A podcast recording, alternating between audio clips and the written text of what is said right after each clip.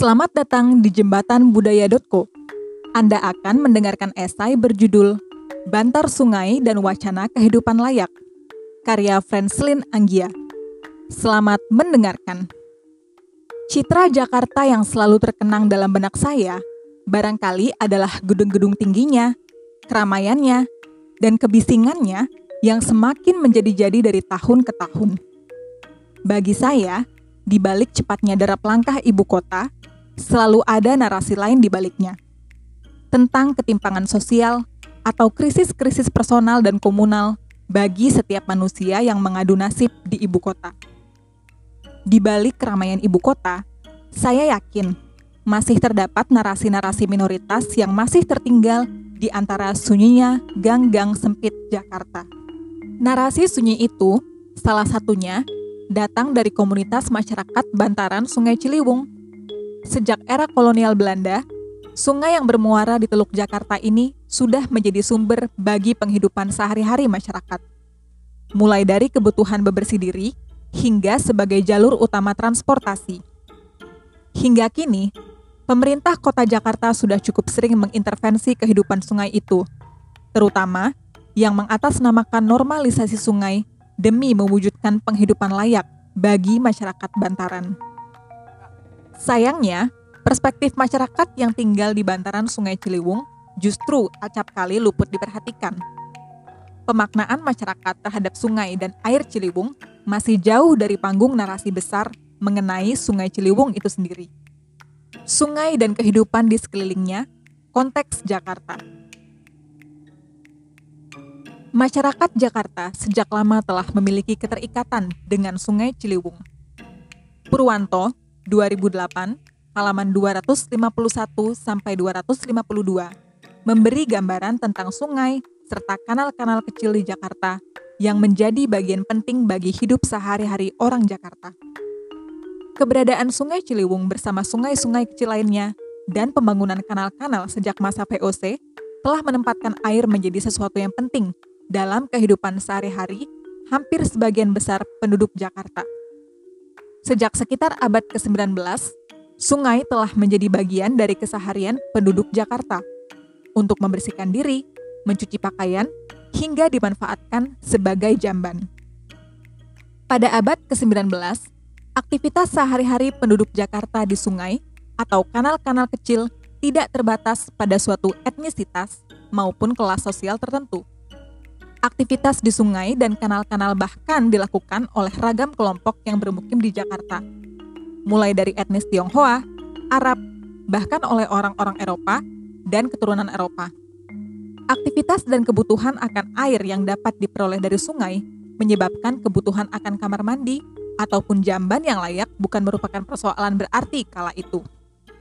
Dalam konteks waktu yang berbeda itu, aktivitas penduduk dan kaitannya dengan sungai di ibu kota tidak secara gamblang diasosiasikan dengan status sosial ekonomi tertentu. Berbeda dengan saat ini, ketika aktivitas penduduk Jakarta di sungai justru kerap diasosiasikan dengan latar belakang sosial ekonomi bawah dengan gambaran tentang rumah tidak layak, kumuh, dan kotor yang barangkali mendominasi persepsi tentangnya. Padahal, konsep layak dan tidak layak, serta bersih dan kotor merupakan konsep yang sangat dinamis dan relatif. Seiring waktu yang terus berjalan dan kepadatan penduduk Jakarta yang semakin membengkak, kualitas air di sungai dan kanal-kanal Jakarta pun turut berubah. Air semakin keruh dan sampah semakin banyak, sehingga persepsi tentang air sungai serta aktivitas yang terkait di dalamnya juga berubah. Demikian halnya dengan perspektif mengenai kelayakan dan kebersihan dalam konteks kehidupan di bantaran sungai. Program yang dirumuskan pemerintah terkait dengan bersih sungai tidak jarang membawa persepsi yang justru berseberangan dengan perspektif masyarakat yang telah sekian lama bermukim di pinggir sungai. Konsekuensinya, program pemerintah kerap berujung tak efektif dan malah menciptakan suatu keterasingan baru bagi komunitas.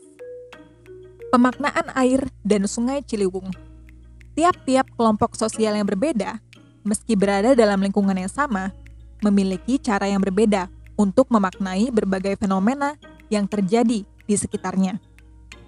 Proses pemaknaan terhadap lingkungan dan kehidupan sehari-hari bukanlah hasil dari proses instan, melainkan buah dari proses yang amat panjang yang dibangun atas dasar pengalaman dan juga realitas sejarah personal maupun kolektif.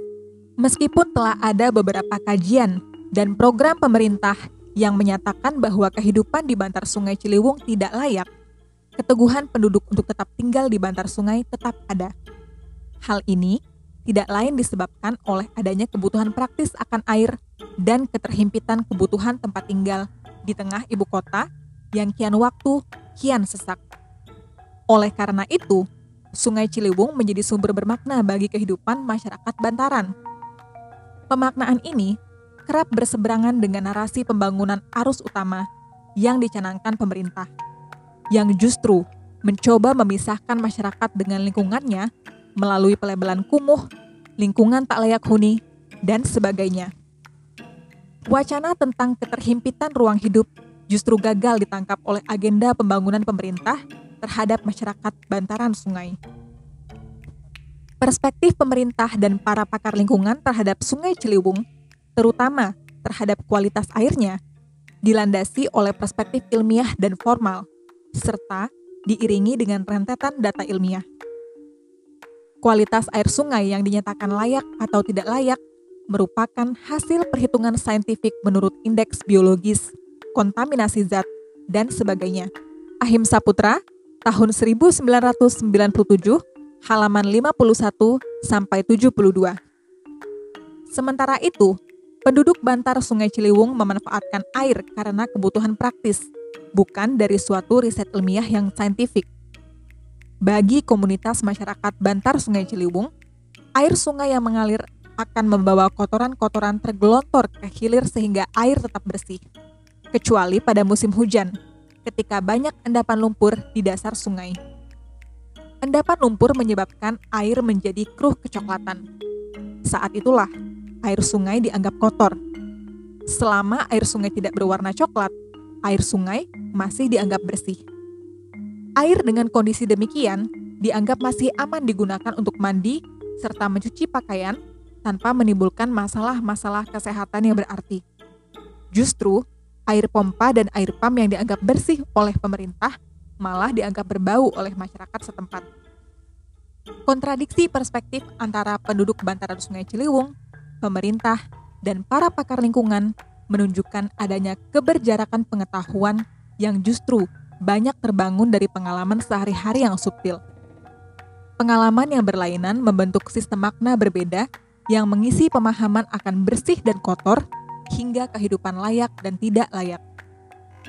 Pemaknaan masyarakat bantaran sungai terhadap air dan sungai Ciliwung tidaklah dibangun di atas pengalaman ilmiah maupun perhitungan saintifik.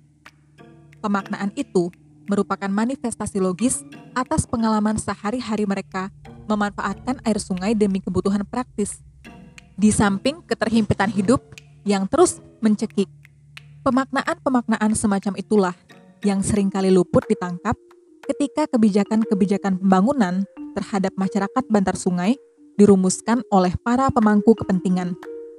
Barangkali pengalaman sehari-hari justru dianggap kurang valid. Padahal, melalui pengalaman sehari-hari itu, sistem makna justru terbentuk.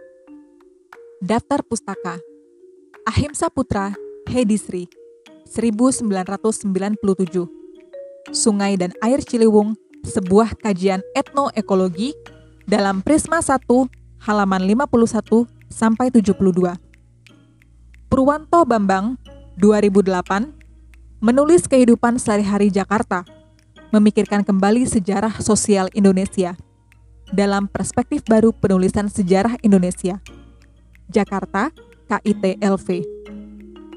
Narator, Abidah Nakia. Editor, Faradila Nurbaiti.